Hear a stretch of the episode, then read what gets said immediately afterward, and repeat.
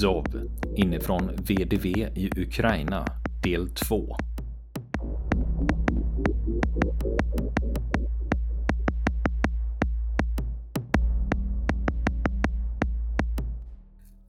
Ja du Niklas, nu ska vi fortsätta prata om Pavel Filatjev och eh, hans historia om hur det var att vara soldat i det ryska kriget mot Ukraina. Ja, fast eh, han har väl inte kommit till Ukraina än.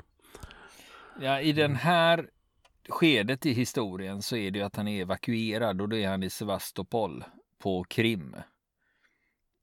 Så att eh, han börjar ju berätta vad som har hänt precis efter att han har blivit evakuerad. Så det är där vi är. Och när vi kommer in i historien, då är han på sjukhus i Sevastopol. Han berättar så här. Ögonläkaren var någonstans på sjätte våningen och det var väldigt svårt för mig att gå upp dit. Smärtan i kroppen kändes för varje steg och adrenalinet hjälpte mig inte längre.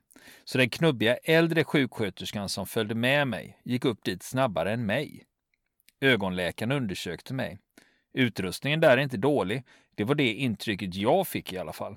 Läkaren sa, du har en hornhinneinflammation i båda ögonen med brytningsfel.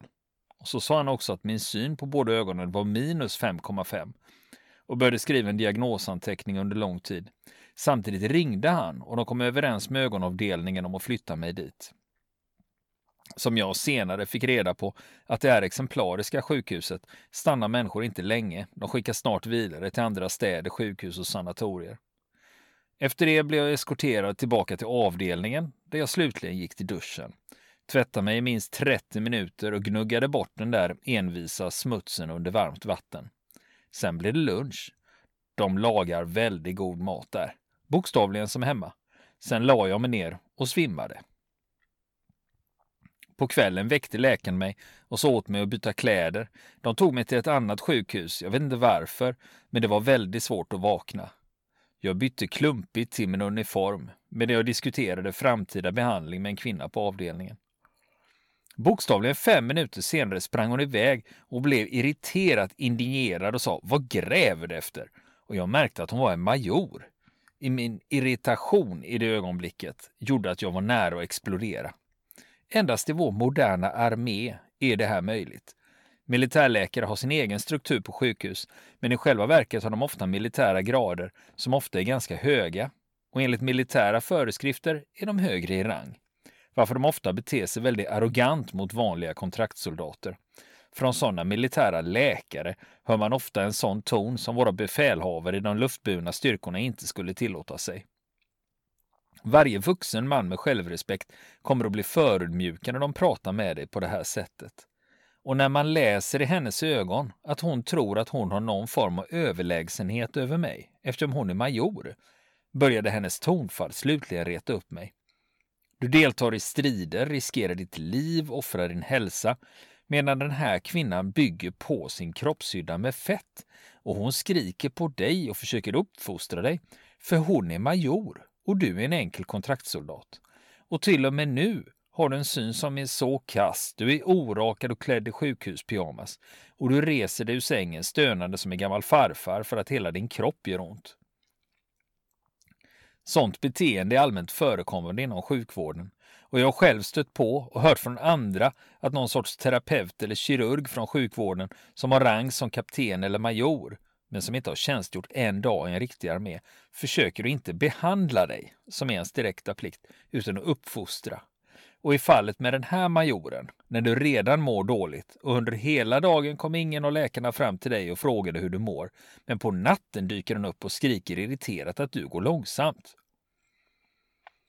Jag tror inte att jag var särskilt arg då, men allt jag kunde klämma ur mig var du behöver inte skrika på mig och fortsatte att knyta skosnörena på kängorna i samma hastighet som tidigare, men inte specifikt långsammare för att irritera henne, utan för att det inte kunde gå fortare.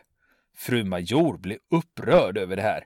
Det var tydligt att hon var van vid att befalla och uppfostra dem som kom till henne för behandling och hon skrek Hur pratar du med mig? Jag ska ringa militärpolisen. Jag reste mig upp och flyttade mig ifrån henne och svarade också med höja rösten. Håll dig borta från mig! Ring militärpolisen! Men du behöver inte skrika på mig. Och hon blev jättearg när hon inte fick någon tillfredsställelse utifrån det faktum att hon inte kunde styra och ställa med mig. Sen lämnade fru Major avdelningen och skrämde mig med militärpolisen, fast utan några lagliga skäl för det. Ett par minuter senare när jag knöt mina skosnören och tog farväl av min döva kamrat på avdelningen gick jag ut med en stor sopsäck på axeln. Jag hade ju ingen ryggsäck. Där fanns min kamouflagerock och sneakers.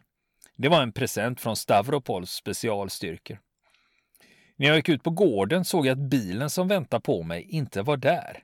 Snacket om att någon var trött på att vänta på mig där var påhittat. Det regnade ute. Och i ytterligare tio minuter stod jag där. För jag blev också irriterad på den där hysteriske läkaren med majors grad. Så jag bestämde mig för att jag hellre ville stå här än att gå tillbaka in och riskera att springa på henne igen.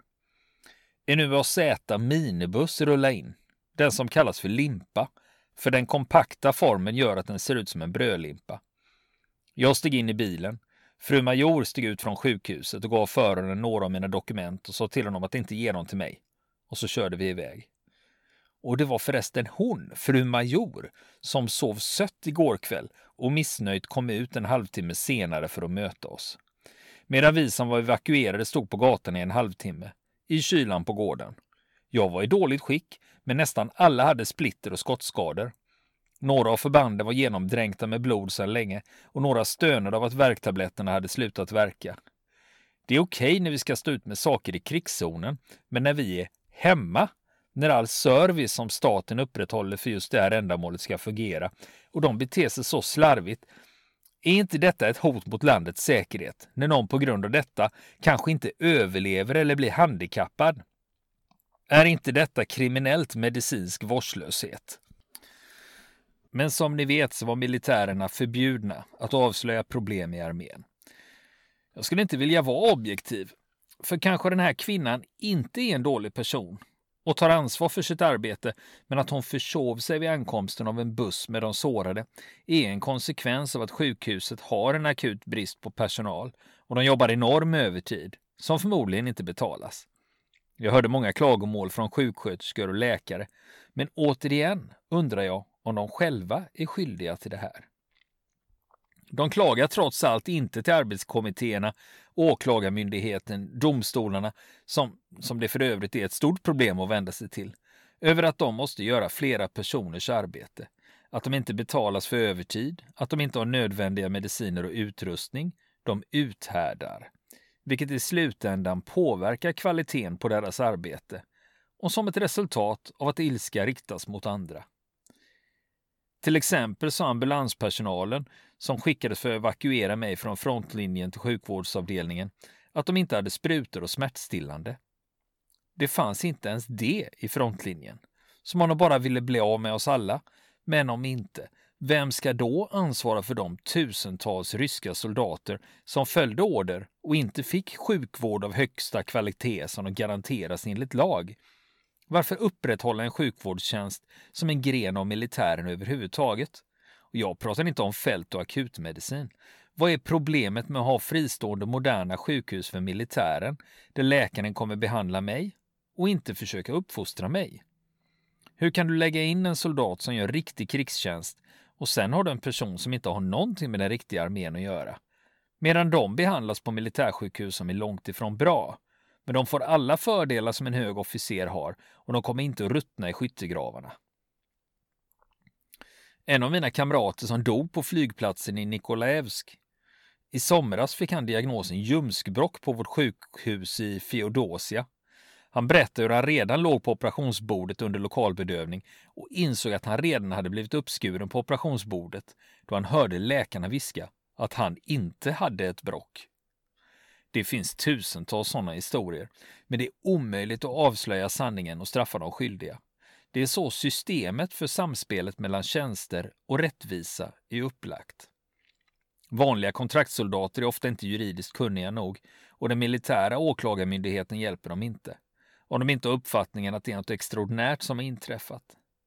För att fortsätta på det ämnet så är jag generellt emot kvinnor i den ryska armén. Antingen ska man låta dem tjänstgöra på lika villkor som männen, som det är i USA och Israels arméer, eller så ska de inte vara där överhuvudtaget. I vår armé fungerar kvinnorna bara som dekorationer och det här arrangeras ofta av äkta män eller älskare. Men då räknar jag inte in enstaka kvinnor som tjänstgör som ambulanspersonal som trots små resurser faktiskt försöker hjälpa till. Jag är i allmänhet tyst om generalernas förmåner. De är högre i rang än regementscheferna. Jag var tvungen att tänka på det här, men du behöver verkligen inte förstå eller uppskatta din armé. Om vi fortsätter med ämnet om den ryska arméns militärmedicin så räcker det bara att jämföra första hjälpen-kittet för, ett, eh, för en rysk soldat och en amerikansk som nu ofta finns i Ukrainas väpnade styrkor. I vår har vi tourniquet, bandage och opiaten Promidol. Och som praxis visar, inte alla soldater i frontlinjen har ens en gång de grejerna med sig. Men när man tittar på den amerikanska, utan erfarenhet kommer du inte förstå vad det är. Den bästa parallellen skulle vara en jämförelse av en Vaslada och en Mercedes. Men vi var förbjudna att berätta om vår tjänstgöring. Annars kommer alla plötsligt att få reda på de här problemen. Det är lättare att dölja det än att fixa det. Medan föraren körde mig till andra änden av staden, till ögonavdelningen, rökte jag och försökte sluta vara arg. Jag fick veta av chauffören att ingen hålls kvar på detta nya sjukhus under lång tid och alla är utspridda till andra sjukhus och sanatorier i olika städer. Jag uppmärksammade mappen som överlämnades från fru Major till chauffören och bad honom att låta mig läsa i den. Och när jag öppnade den såg jag ett intygsformulär där det fanns en lista över mina hälsoproblem. Med diagnoser som jag faktiskt inte behandlats för. Det fanns många papper och allt om min hälsa. Förresten, de flesta parametrarna ritades upp i grafer. Det stod att under en speciell militäroperation i Ukraina kom jord in i mina ögon. Kanske på grund av oändligt pappersarbete och tung arbetsbörda är läkarna inte redo att vara mer uppmärksamma på behandling. Vad mer är förklaringen till det här? Han klagar över smärta i ryggen och benen. Längst ner en handskriven inskription som är ljust ljusgrönt markerat. Beter sig aggressivt, bryter mot militär disciplin. Ja, det är allt du behöver veta om armén. Om du inte är smart nog inför högre officerare och inte framställer dem som dumma och att de går med på allt, då sätter de ett stigma på dig och det är nästan omöjligt att uppnå militär disciplin från dem i förhållande till dig. På grund av det här förlorar vissa tålamodet med orättvisorna mot dem själva och går helt enkelt in i öppna konflikter med ledningen, vilket omedelbart innebär ett tvärstopp för en karriär. För i den nuvarande armén behövs bara Gerasim gå med på allt. Resan natten runt Sevastopol är över. Vi kommer in på ett militärsjukhusområde. Det finns ett enormt område här, men byggnaderna är långt ifrån nya. Arvet från våra förfäder från Sovjetunionen, som nästan allt som omger oss, är från ett annat stort land i det förflutna. Jag blev återigen släpad genom registren och skickades till ögonavdelningen. Klockan var redan runt 21 på kvällen. Personalen på den här avdelningen är inte alls som den förra, men jag trodde faktiskt att de som återvände från fronten skulle må bra och få bli behandlade på sjukhusen. Det här sjukhuset ser ut som en gammal T14 Armata-stridsvagn, men mycket mer pråligt. Vid entrén möter en äldre sjuksköterska mig, ger mig gamla tofflor i olika storlekar och visar mig till avdelningen tillsammans med en ung värnpliktig kille. De tar mig till en ögonläkare som upprepade gånger undersöker mig och ordinerar behandling. Jag sover, äter, tittar på nyheter från Ukraina i hallen på tv för att samla all tillgänglig information och prata i rökrummet med killarna. Nästan hela avdelningen är full av sårade med splitter, brännskador och ögonskador. När jag tittar på nyheterna på tv kunde jag inte förstå varför det inte finns någon sanning där och jag ser ingen objektivitet. Här är två fall värda att höra. Redan första dagen satt jag ivrigt framför tv-skärmen och förväntade mig att få höra riktiga nyheter från fronten. Det är oklart var nyhetsinslagen filmades, men jag upplever en väldigt stor skillnad från vad jag såg och vad som visas på nyheterna där de var vid fronten under beskjutning. Det gav intrycket av inte ett steg tillbaka, håll Stalingrad. Vi behöver hålla ställningarna till varje pris. Vår hunger, sjukdom, sömnbrist och förluster är inte viktiga, enligt nyheterna. De säger att förlusterna är minimala och vi försörjs oändligt av hela landet med allt vi kan önska. TV-presentatören börjar berätta en kort nyhet om det faktum att en brand bröt ut på kryssaren Moskva som framgångsrikt släcktes och kryssaren boxerades någonstans. Den här nyheten verkar inte intressant för mig eftersom jag förstår ingenting om flottan. Men det var en kille som satt bredvid mig som säger Det var mitt skepp. Kryssaren Moskva finns inte mer. Killen har ögonskador efter explosionen och från honom får jag veta att Moskva är Svarta havsflottans stolthet och flaggskepp. Att de befinner sig 40 kilometer från Nadjesha varifrån det avfyrades missiler tre raketer flög in i dem, varav två träffade skrovet. Fartyget började brinna. Besättningen evakuerades, men inte alla.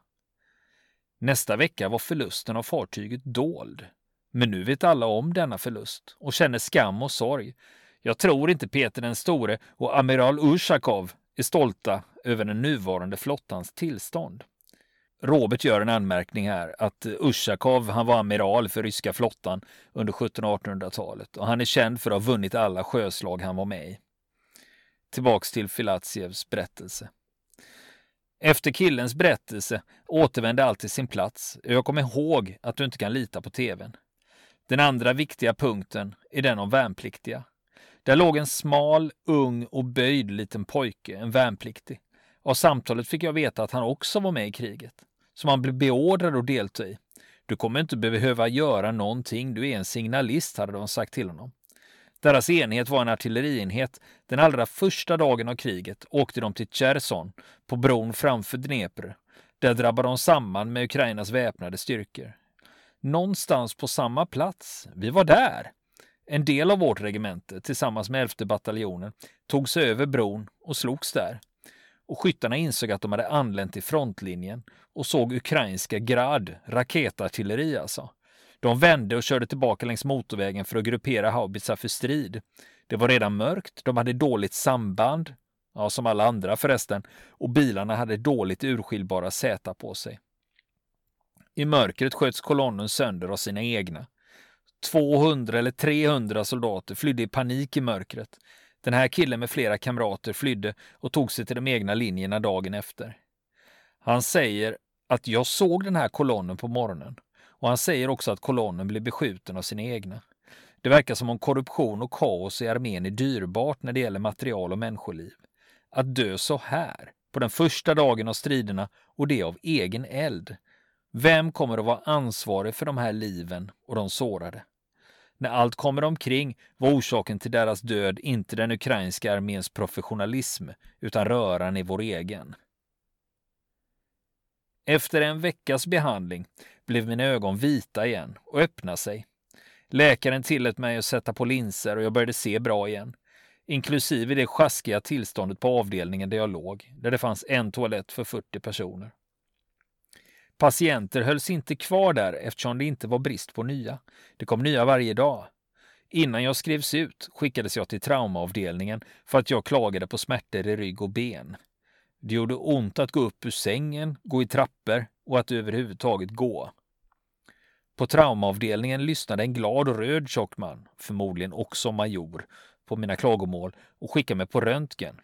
Efter att ha tagit röntgenbilder av benen och ryggraden berättade de glatt att benen var intakta. Och om smärtan inte försvann skulle jag gå till sjukhuset i närheten av där vi var förlagda. Det var obehagligt att höra en sån föraktfull attityd från en läkare som betalas av staten för att sörja för min hälsa.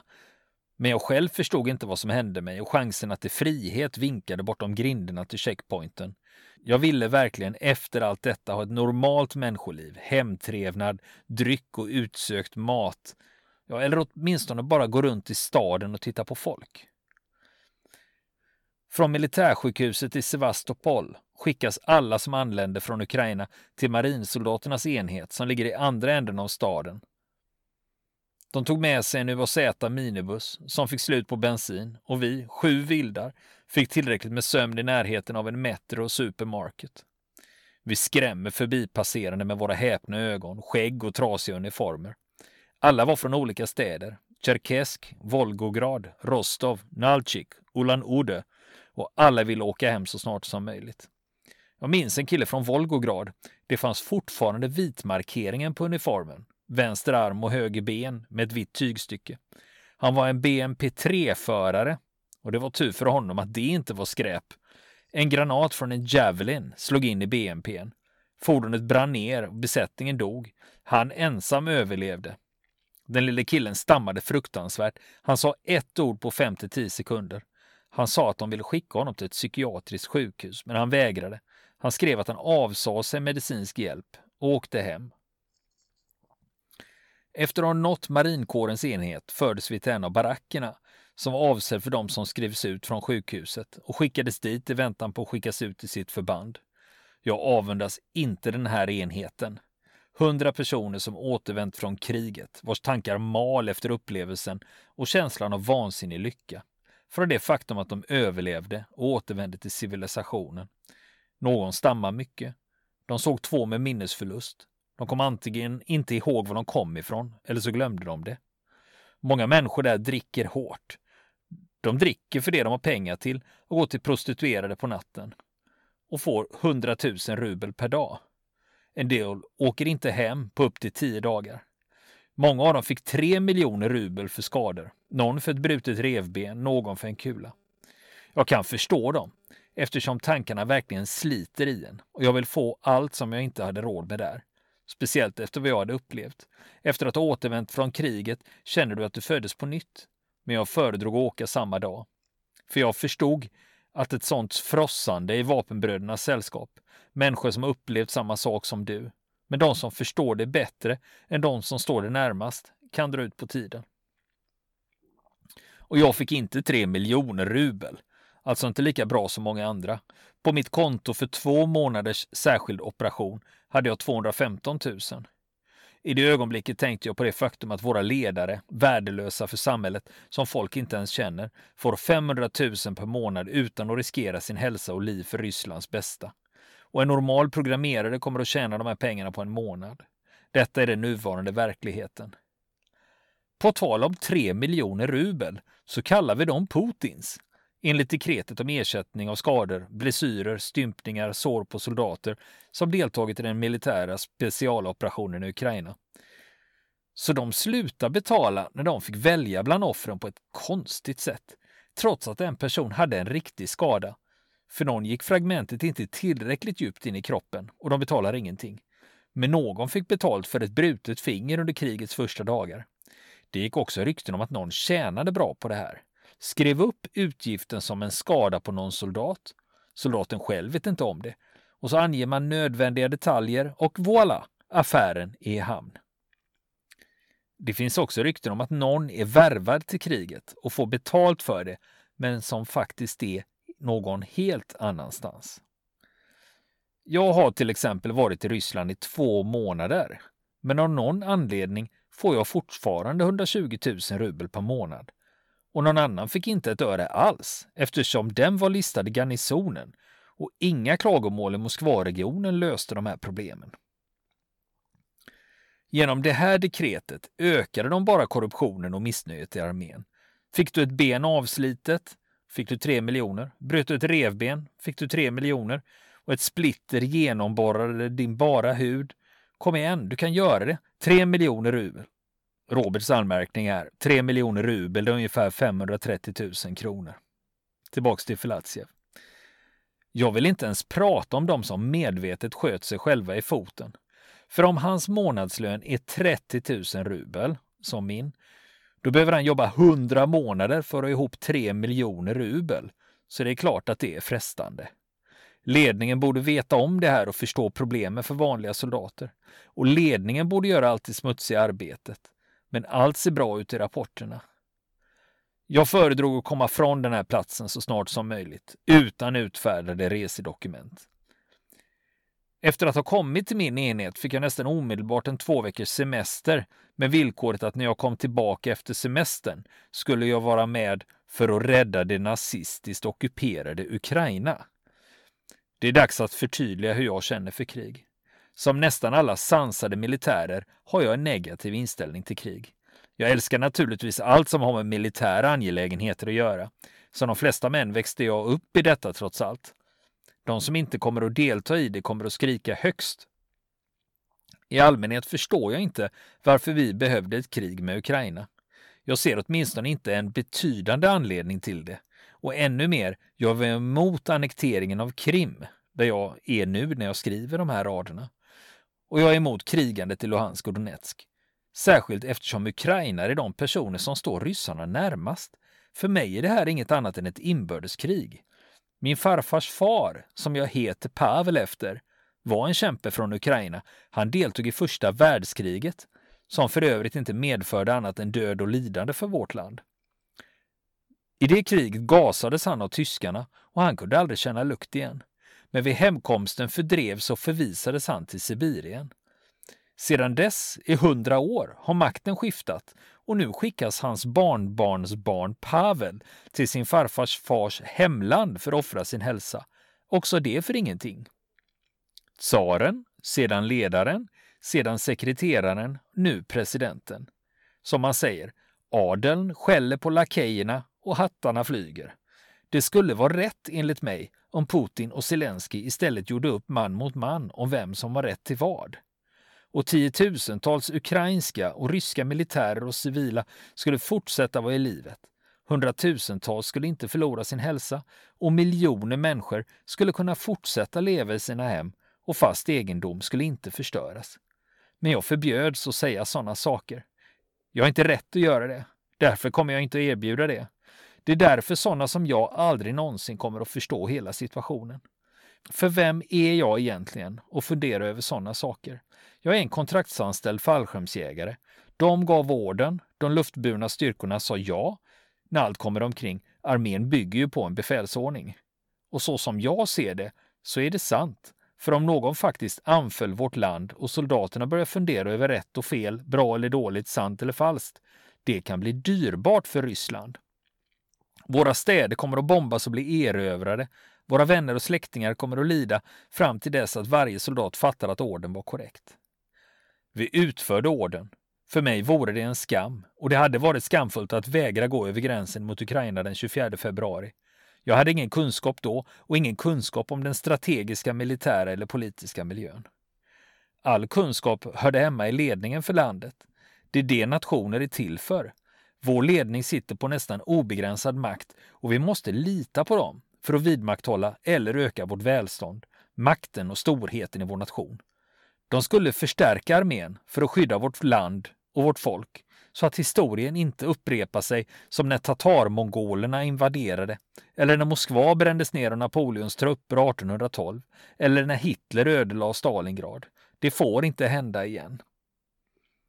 Men utan att glömma de här händelserna så får inte Ryssland i omvärldens ögon förvandlas till det fjärde riket. Vem är skyldig?